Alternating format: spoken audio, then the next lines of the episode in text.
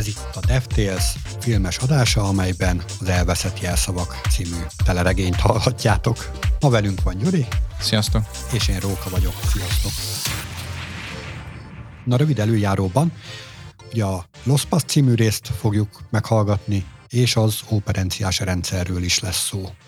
Ez a Los Pass, ez olyan úgy tűnik, mintha valamilyen kalandfilmnek a címe lenne. Igen, ez... igen, ez nagyon kalandos történet volt.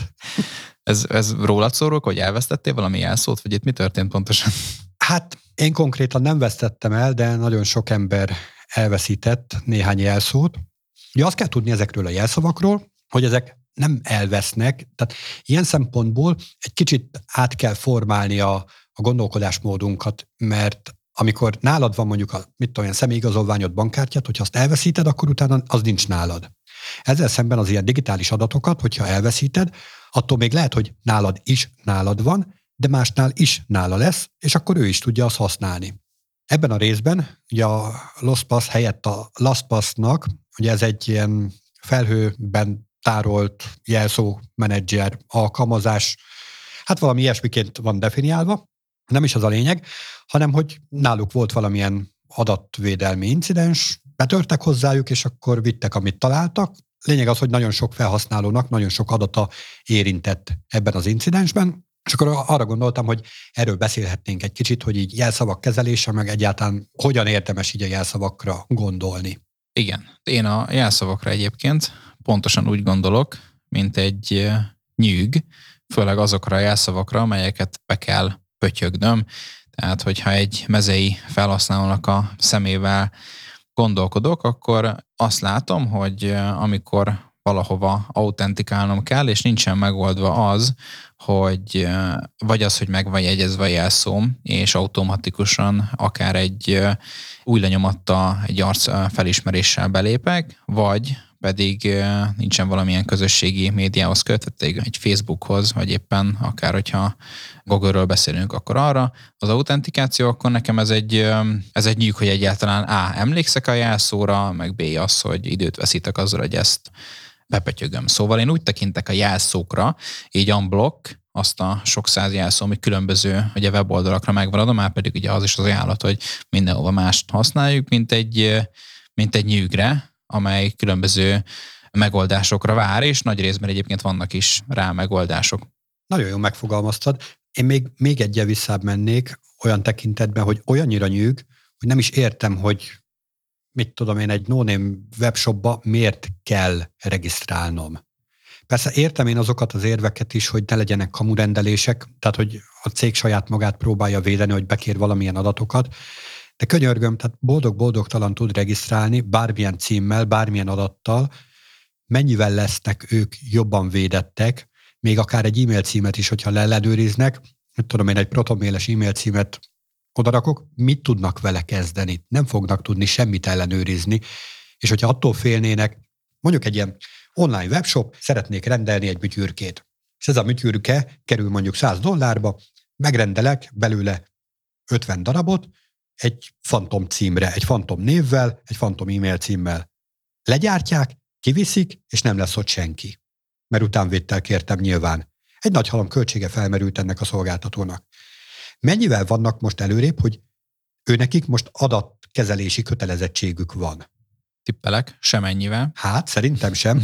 Amivel előrébb lehetnek, az, hogy van egy nagy halom adatuk, amire felelősséggel tartoznak, de a felelősséget azt, hát nem mondom, hogy tojnak rá, de hogy nyilván nem egy olyan módon őrzik, mint ahogy például én azt elvárnám, hogy az én adataimat őrizzék.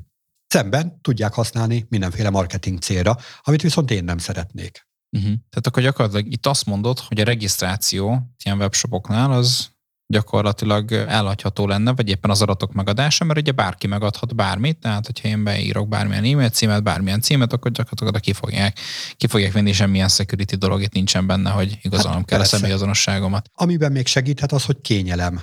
Hogyha én holnap is akarok rendelni, akkor milyen jó Igen. az nekem, hogy újra belépek, és már nem kell kitöltenem a címemet. De könyörgöm, tehát a mai böngészők képesek elmenteni ezeket az adatokat. Másrészt meg uh-huh. van erre millió más technológia, úgy, hogy ezt ne kelljen szerver oldalon tárolni. Uh-huh.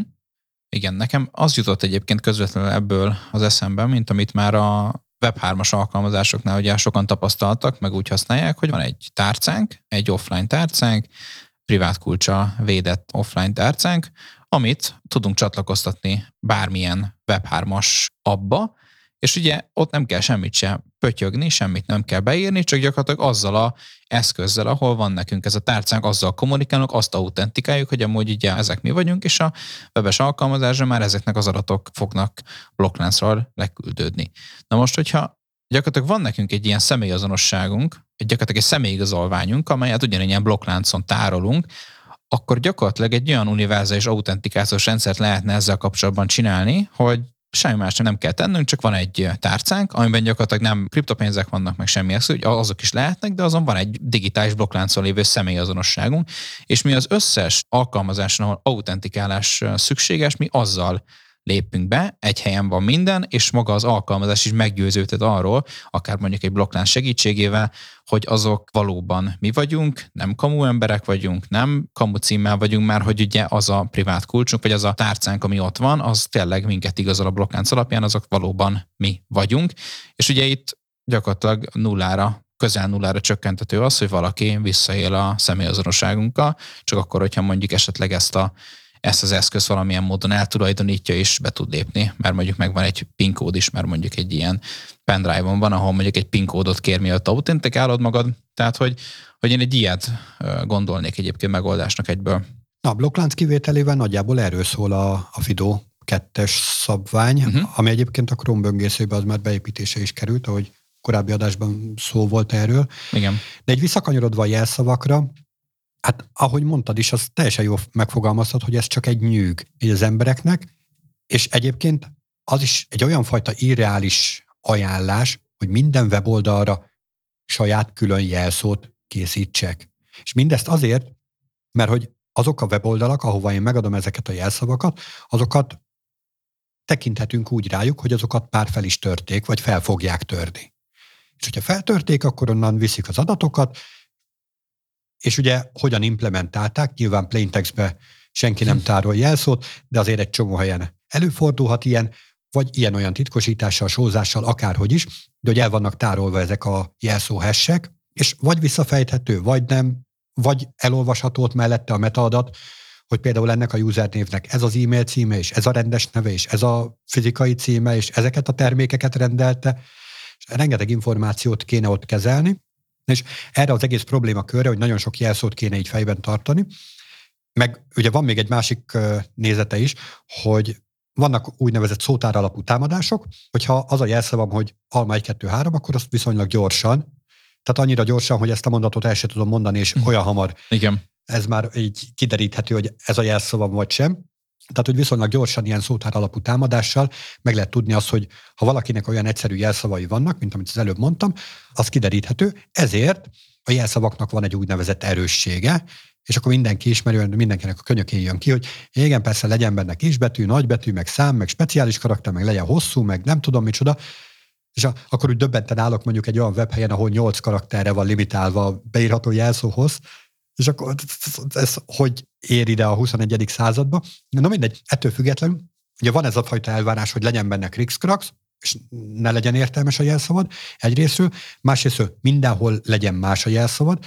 Tehát lényeg az, hogy van borzasztóan sok krikszkrax jelszó, ami igazából nem nagyon köthető sehova, és hát az embernek a emlékezete az véges, főleg az enyém, nagyon hamar elfelejtek dolgokat, úgyhogy erre jöttek létre az ilyen jelszómenedzselő alkalmazások, amit egyébként én melegen tudok ajánlani, mert tényleg tök jó tudja kezelni ezt a fajta szituációt, hogy van nagyon sok online szolgáltatás, amit szeretnél használni, szeretnéd biztonságban tudni az adataidat, sőt, szeretnéd azt is, hogyha valamelyik no online szolgáltatást felnyomják, akkor nem fognak azon keresztül még más szolgáltatásokba is bejutni, ezért kell ugye különböző jelszavakat használnod, és akkor vannak ilyen jelszó menedzselő alkalmazások.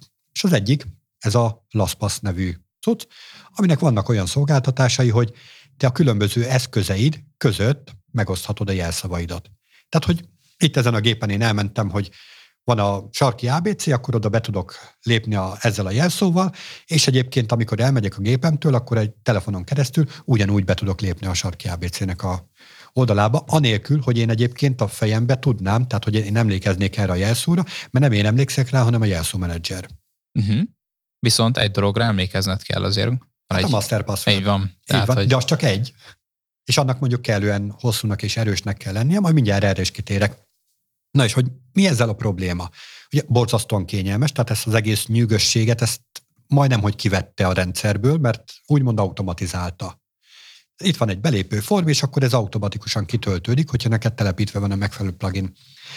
Viszont ezeket a jelszavakat, ezeket valahol tárolni kell, ráadásul nem a te eszközödön fogja tárolni, mert a te eszközöd nem látja a te másik eszközödet, ezért valami olyan helyen, valami központi helyen kell ezeket tárolni, ahova a te eszközeid majd belátnak. Ugye az internet felépítéséből ebből a szerver-kliens kapcsolatból adódik, hogy ezt egy szerveren fogják tárolni, amit nagyon sokan tudnak nézni, és ő nagyon sok helyre szolgáltatja ki az adatot, és hát egy ilyen központi helynek nagyon nagy értéke van, és aminek nagy értéke van, arra érdemes időt szánni, hogy feltörjék, és amire időt szánnak, hogy feltörjék, azt fel is fogják törni. Na, pont ez történt a LastPass-szal, kikerültek ezek a úgynevezett vaultok, ha jól emlékszem, hogy ez a szakszó hozzá. A lényeg az, hogy kikerültek ezek a cuccok, amik így ugyan titkosított adatok, de ott van benne az a, a te összes jelszavad, meg a te összes szájtod, meg a te összes felhasználó neved, meg az összes mentett adatod, meg minden túró. És ugye ahhoz, hogy ezt kinyissák, ahhoz kell a te master passwordöd. És hogyha az alma 1, 2, 3, hát akkor szívás, mert akkor már benne is vannak, és akkor már pontosan tudják, hogy na, akkor a Gyurinak nem csak a master passwordje volt ez, hanem az összes helyre azt az elszót adta meg, hogy alma 1, 2, 3. És akkor az összes helyet nyilván érték szerint csoportosítva, először a pénzügyi szolgáltatókat fogják megtámadni, és így tovább. Úgyhogy ezért veszélyes, hogyha az ember ilyet használ. És egyébként senkinek ne legyenek kétségei, hogyha valamelyik szolgáltató azt ígéri, hogy így megosztja az eszközeit között a mentett jelszavaidat, akkor Na igen, tehát van egy olyan fogalom, hogy zero knowledge szolgáltató, ami azt jelenti, hogy ez a szolgáltató ez nem ismeri a te adataidat, nincs erről tudása, mert hogy az ő rendszerébe már csak a titkosított adat érkezik be. Így ezt ígérte egyébként a LastPass is, vagy nem tudom, hogy mennyire zéró, de hogy lényeg az, hogy a jelszavakat ők azt ígérték, hogy ők nem ismerik meg a jelszavaidat. És valóban, mert ott csak a titkosított forma volt, de egyébként egy nagy halom metaadat, tehát ilyen usernevek vagy hozzáférési időpontok, meg ilyenek, amikből ugyanúgy lehet dolgozni, és ugyan nem a teljes hozzáférés van ott, de hogyha már kiderül a kiskutyád neve, akkor egy biztonsági kérdésből már pillanatok alatt hozzáférést szerezhetnek. De ezt leszámítva, tehát egy szolgáltató, aki azt ígéri, hogy ott van nála rengeteg értékes adat, az egy nagyon értékes célpont lesz, és mivel nagyon értékes célpont, ezért nagyon sokan fogják támadni, és előbb-utóbb sikerül. Úgyhogy ezekre a jelszavakra úgy kell tekinteni, hogy ezek már szinte nem is nálad vannak. És akkor megint csak felmerül a kérdés, hogy minek? Minek ez a nyűg itt a nyakunkba? Ugye a másik oldalról van az a, az a móka, ami nagyon ellenjavalt, mostanában egyébként, hogy vannak a te jelszavaid, és akkor fölírod kis sajtcetlire, és akkor oda ragasztod a monitor szélére. Most így megmosolyogjuk meg minden, persze ezt egy irodai környezetben így elég bután néz ki, hogy tele varagatva, aggatva a monitoron mindenféle jelszóval, de hogyha nem irodai környezetről beszélünk, hanem az otthonunkról, akkor miért is ne? Mert, és hogy miért lehet ez jó megoldás, és miért lehet rossz megoldás? Ugye azért lehet rossz megoldás, mert nem férek hozzá bármikor. Ha nem vagyok otthon, akkor nem tudom a jelszót. Hogyha kim vagyok a konyhában, már akkor sem tudom a jelszót, be kell mennem érte stb. stb. Tehát ilyen problémák vannak, de mivel én nem férek hozzá, ezért más sem. Tehát nem tettük ki egy olyan nagy támadási felületnek, amit úgy hívunk, hogy internet. Igen, tehát nem online tároljuk, hanem ugye offline tároljuk régi pontosan, módi módon. Pontosan. És persze felmerül a, a, az, hogy mi van, hogyha betörnek hozzád, és letépik a monitorodról a sajtszetlit, és elviszik. Na igen, de oda fizikailag oda kell menni, és mit fognak megszerezni? Egyetlen egy felhasználónak az adatait messze nem olyan értékes, ha csak nem én vagyok a Magyarország leggazdagabb embere, vagy az első top nem tudom mennyiben benne vagyok. Tehát nyilván nem leszek egy olyan értékes célpont, mint egy LastPass-nak a több millió felhasználója. És persze, hogy oda mennek, ahol sokkal könnyebben, sokkal nagyobbat lehet aratni. Igen, de akkor itt, tudom, hogy hogyha gondolkodnék, akkor azt csinál... Vigyázz, nehogy megátson. itt akkor azt, azt mondanám erre, hogy, hogy ez miért nem volt kellőképpen disztributálva. Tehát ezek a sok rendszer miért nem volt kellőképpen különböző kis, kisebb rendszerekre, kisebb szervizekre bontva, hogy ugye minél nehezebb legyen, meg minél kevesebb felhasználót lehessen tudni targetálni amúgy. Biztos megtettek ők is nagyon sok mindent így a biztonság érdekébe. Nem de eleget. Nem eleget, biztosan nagyon sajnálják, de én abban biztos vagyok, hogy ha lehető legjobb szoftvert készítik el, akkor is. Ugye erről már beszéltünk Igen. korábban, hogy lehet-e egyáltalán teljesen biztonságos szoftvert készíteni. Elméletben lehet, de nem biztos, hogy most abban a, abban a helyzetben vagyunk, ahol az elvárt komplexitás és a rendelkezésre álló idő az így kiadja ezt a matekot. Igen. És akkor visszatérünk arra, hogy a legjobb megoldás így a végfelhasználó számára az, hogyha tényleg minél többet offline tárolja a dolgokat. Sajtszetlin vagy szétben. Igen, feltéve, hogyha ő nem valami nagyon értékes célpont. Hát meg, hogyha nem járnak sokan a szobájába be, tudod, vagy nem, nem, nem, nem készít szelfiket a monitor előtt, és akkor teszi fel valamilyen közösségi médiáról, szépen ott lesznek a jelszavai, tehát azért, azért vannak ennek hátrányai, vannak ennek biztos sokkal kifinomultabb módjai, mint az, hogyha például tényleg ezeket a komolyabb jelszókat leírjuk, eltesszük olyan papírra, ami nem fog tíz év múlva elszíneződni, és akkor szép vetesszük, és akkor tényleg az, az offline. Még egy témakört hoznék így a jelszókezelés kapcsán, az pedig a, ugye jelszavakról beszélünk, és miért beszélünk jelszavakról? Azért, mert nem bízunk egymásban. És a jelszó az nem más, mint az, hogy bizonyíts be, hogy te vagy te, és jó, akkor itt van egy titok, amit csak te ismersz, akkor elmondod ezt a titkot, és na jó, akkor elhiszem, hogy te vagy te. És ugye erről már korábban beszéltünk így projektindítás, projektfejlesztés, vagy projektátadás kapcsán, hogy mennyire meg tudja növelni a, a ráfordított időt az, hogyha nem bízunk egymásban. És pont ezért érezzük egyébként nyűgnek így a jelszóval való hókamókát, mert ez a fajta bizalmatlanság, ez időt és energiát emészt fel, teljesen fölöslegesen, míg hogyha bíznánk egymásban, tehát a weboldal megbízna abban, hogy akkor én azt az 50 műtyűrkét, azt tényleg én akarom megrendelni, és ugyanúgy megadhatok amúgy mindenféle címet, de hogy megbízik bennem, és én is megbízok benne, hogy nem akar szénné marketingelni, akkor onnantól kezdve gyorsabb és kényelmesebb és könnyebb világ vár naránk. És ez a bizalom olyan valaha is meg fog adatni egymás részére? Hát a mai Szerinted trendeket ez... nézve nem. Ez valószínűleg soha. Én azt gondolom egyébként, hogy lehet. Lehet, hogyha lesz valaki olyan úttörő, aki aki nagyon népszerű tud lenni, és ezt az utat választja. Hát igen, én, itt amúgy egyből a blokkláncot mondanám, hogy az lehet, ami esetleg ebbe az irányba tud uh, mozogni. Ott ugye nem kell megbíznom egy uh, harmadik szemébe, mondjuk egy bankba vagy bármibe, hanem, hanem ott tényleg ott mindenki által van bizalom. Hát pontosabban senki által nincs bizalom, és ezért kérünk nagyon sok adatot, hogy mindenki bizonyítsa be, és nagyon sokan kell egyezően nyilatkozniuk arról, hogy tényleg az te vagy te. Igen. Másik oldalról arról is beszéltünk, hogy maga az a írtatlan mennyiségű számítási kapacitás, amit így a blokklánc kiépítésére fordítunk, az hát nem annyira zöld.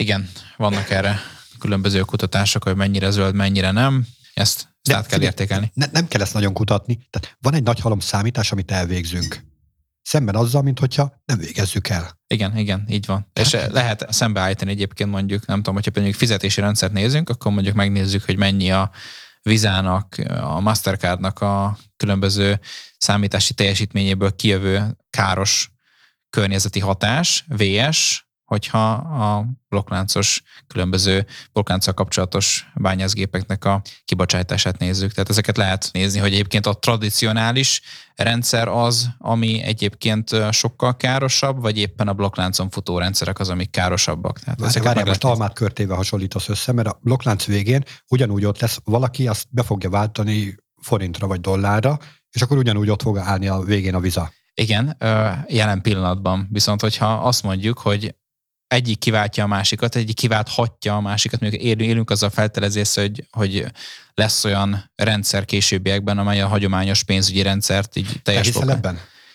Hát én úgy gondolom, hogy egyébként eljön az az idő, amikor lesz valószínűleg egy, egy ilyen, nem fognak eltűnni ezeket a hagyományos rendszerek, csak valószínűleg át fognak alakulni, máshogy fognak működni, mint ahogy most fognak, úgyhogy, úgyhogy szerintem igen. Tehát azért is nem almát körtével, mert hogyha abban feltételezés megadjuk azt, hogy gyakorlatilag az egyik az jobb, mint a másik, és az egyik lecserélhetje a másikat, akkor gyakorlatilag az összehasonlítás az releváns lehet amúgy ilyen szempontból. Hát, Hát. Ezt, a, ezt a jövővel meglátjuk. Hát, igen, figyelj, igen. Tíz év múlva egy DevTales adásban szerintem erről, erről akár lehet is szó, mondjuk egy ilyen. Akkor már jobban ilyen, látjuk a jövőt. Igen, igen. kíváncsi, hogy mennyire fog jól öregedni mondjuk egy ilyen mondás, azért vissza lehet nézni pár ilyen eh, régebbi adás, hogyha későbbiekben megyünk előre az időbe, hogy mi az, amelyet abszolút megbántunk, mint kinyilatkozás lesz, mi az, amit meg amúgy valóban nem, és hogy most jelenleg hogy áll az a predikció, amit mondtunk.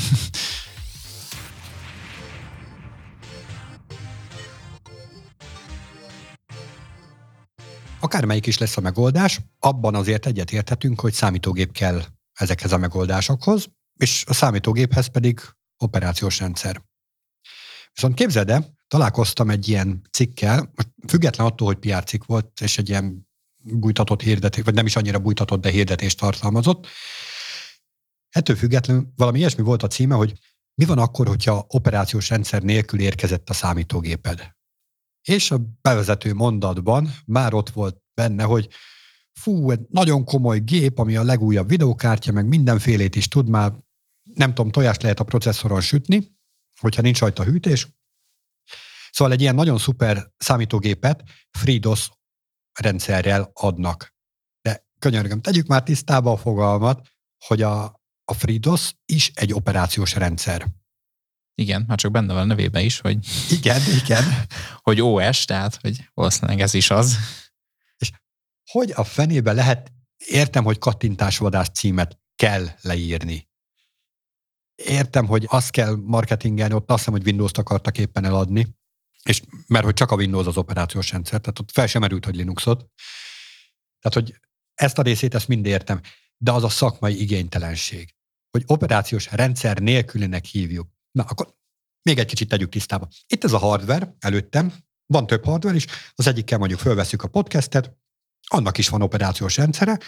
Az operációs rendszer az a szoftver, ami megteremti a kapcsolatot a hardware és a felhasználó között. Az a szoftver az, ami miatt én tudok interaktálni a hardware-rel. Az én elképzeléseimet, vágyaimat, gondolataimat azt így valamilyen módon a gépnek a tudtára tudom adni, a gép meg a számítási teljesítményével erre reagál.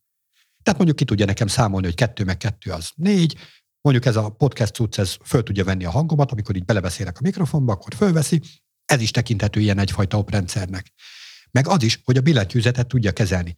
Operációs rendszer nélkül ott vannak a billentyűk, de hogy az nem történik vele semmi. Tehát ahhoz operációs rendszer kell, hogy a billentyűnek a, a leütött billentyű az a képernyőn megjelenjen. Ez egy komoly program. Igen. Bevallom őszintén, hogy amikor régebben, hát egy ilyen jó pár évvel ezelőtt, még nem nagyon foglalkoztam informatikával, és ami nekem is így érkezett meg a gépem, hogy, hogy, hogy gyakorlatilag oprendszer nélkül idézőjelben, akkor én is azt hittem, hogy gyakorlatilag amúgy nem is lehet így működtetni. Tehát tényleg így ez a FreeDOS rendszer volt rajta, és nekem kellett tenni, és én is azt hittem, hogy valóban tényleg nem is megy, de ugye már valóban, hogyha belegondolok, amúgy tényleg már az is egy ilyen utasítás, meg egy ilyen programot igényel, hogy akár leüssünk valamit, meg történjen valami a, a képernyőn. Tehát, hogy ez elég érdekes, és amúgy pont ez, ez is jutott eszembe, hogy valószínűleg nem egy mekes cikk lehetett, mert ugye a Mac az alapból így jön, hogy, hogy ott nincsen probléma, ilyennel felnyitom és működik, de ott választási lehetőséget sem nagyon van. Nincsen választási lehetőségem, de egy mezei userként, már pedig a cikk az valószínűleg egy mezei usernek szólhat, hogyha már ugye így van megfogalmazva, akkor valószínűleg neki is egyszerűbb lesz így, mint az, hogy most installálni kell különböző operációs rendszereket. Igen, tehát ami miatt behoztam igazából az, hogy így szakmázunk egy kicsit, akkor már tegyük tisztába így a magyar médiát is a saját síralmas helyzetéből, és hogyha a politikát lehámozzuk róla, akkor ilyen szakmai cikkekhez jutunk, és sírok tőle. Igen. Ugye, mivel egy reklám cikk, így valószínűleg egy specifikus céget reklámoznak benne, ezért lehet, hogy még nem is ők fogalmazták meg, hanem maga a cég sokszor ez szokott lenni, hogy vagy nem. A, maga az egész kreatív anyagot a cég adja, ők meg lehozzák egy az egyben, a végén pedig megjelenik az, hogy hirdetés, és nem vállalunk semmi felelősséget ugye az itt elhangzottakért. Várja, mondom a címét. Operációs rendszer nélkül érkezett a géped? Kérdőjel. Ugye ezt a részét megbeszéltük, de még nincs vége, nincs vége, figyelj. Így szerezhetsz hozzá olcsón legálisat. És mondom, az egész cikkben végig a Windowsról volt szó, fel sem merült az, hogy ingyenes operációs rendszer. Tehát olcsón. Igen. És a olcsó, meg az ingyenes, az, az nekem így valahogy így egészen közel állnak egymáshoz. Tehát amiért fizetnem kell, az, az lehet, hogy olcsó, de hogy annál biztos, hogy olcsóbb lesz az, ami ingyenes. Ennél már csak az lenne olcsóbb, hogyha valaki fizetne nekem azért, hogy azt használjam. Igen. Már pedig ugye vannak open source alternatívák is, amelyeket lehet használni. Igen, és hát nem értem. Na, szóval, kedves hallgatóink, figyeljetek oda, amikor ilyen cikket láttok, akkor azért gondolkodjatok. Tehát olyan, hogy operációs rendszer nélkül érkezik egy számítógép, olyan elképzelhető, viszont akkor azzal nem nagyon fogtok tudni mit kezdeni. Mit kezdeni, igen. Mm, egy kicsit talán beszélhetünk a BIOS-ról. A általános iskolai biológia óráról? Arról Beszélsz? is, arról is akár. De most egyébként a... Azt hívtuk BIOS-nak. Igen, igen, igen, igen. Amire most én gondolok így a számítógépek kapcsán, az a Basic Input-Output hm. Systemnek a rövidítése. Ugye ez a számítógépbe beépített, ugyan még nem nem mondjuk azt, hogy operációs rendszer, de egyébként az, mert megteremti a kapcsolatot a felhasználó és a számítógép között. Azt azért tudnotok kell, hogy a számítógépben van már beépítve egy ilyen, elvileg ilyen nem túl, vagy nem könnyen módosítható memória területen. Lényeg az, hogy ott van benne a számítógépbe, és az már teremt kapcsolatot közötted, meg a belseje között. És az például biztosítja azt, hogyha majd bedugsz egy USB bútos valamit, vagy bedugsz egy CD-t, vagy bedugsz valamit a gépbe, akkor arra majd tud reagálni, és akkor föl tud települni az, amit egyébként szeretnél, és amit majd úgy hívhatunk, hogy operációs rendszer. Igen, és egyébként ezek már nagyon szép grafikus formában is teljesen felhasználóbarát módon elérhetőek. Ja, igen, én mai napig le vagyok nyűgözve, igen. hogy egérrel lehet vezérelni. egérrel, meg ilyen színek vannak benne, design elemek vannak benne, olyan feelingje van, mint egy Windowsnak amúgy lassan. Tényleg most már nem is lehet lassan megkülönböztetni a kettőt. Na tehát, hogy értsétek, hogy miért is vagyunk kiakadva. Azért ez egy viszonylag kis memória területről van szó, viszonylag korlátosak a, a lehetőségek, tényleg csak nagyon alap dolgokat lehet ott használni, azért, hogy ne foglaljon memóriát, ne legyen túl nagy a program, amit el kell ott tárolni, és egyáltalán, hogy ne is legyen benne sok bug, meg ne nyisson támadási felületet. Tehát egy csomó ilyen szempont van, ami miatt ennek ilyen nagyon puritánnak kell lennie, és ehhez képest, hogy, hogy ezek ilyen nagyon puritán és nagyon kicsi alkalmazások, most már tényleg úgy néznek ki, hogy wow. Igen, én is amúgy egyébként már régebb óta, régebb óta van ilyen idézőjelben grafikus felületük, mert még talán még ez a gamer világban jött végig vissza így, a, több mint tíz évvel ezelőtt is már, már volt olyan alaplap, nekem már olyan alaplapom volt akkor, amikor a ilyen ISUS, ilyen gamer alaplapon volt, és ott tényleg már, hogy indítottam a gépet, ott már úgy tudtam kezelni, hogy egérrel tudtam dolgozni, hasonló menük voltak, mint mondjuk egy Windowsnál, tehát hogy ott, ott már azért lehetett így szépen. Tehát már ez egy, nem egy ilyen új keltő dolog, de még azért mindig szép teljesítmény, hogy, hogy tényleg ez, ez ilyen formában tud kinézni. Ennyi fért bele a mai adásba. Reméljük, hogy értő módon hallgattátok, ahogy majd értő módon fogjátok a magyar médiapiacot olvasgatni ezen túl. Sziasztok! Sziasztok!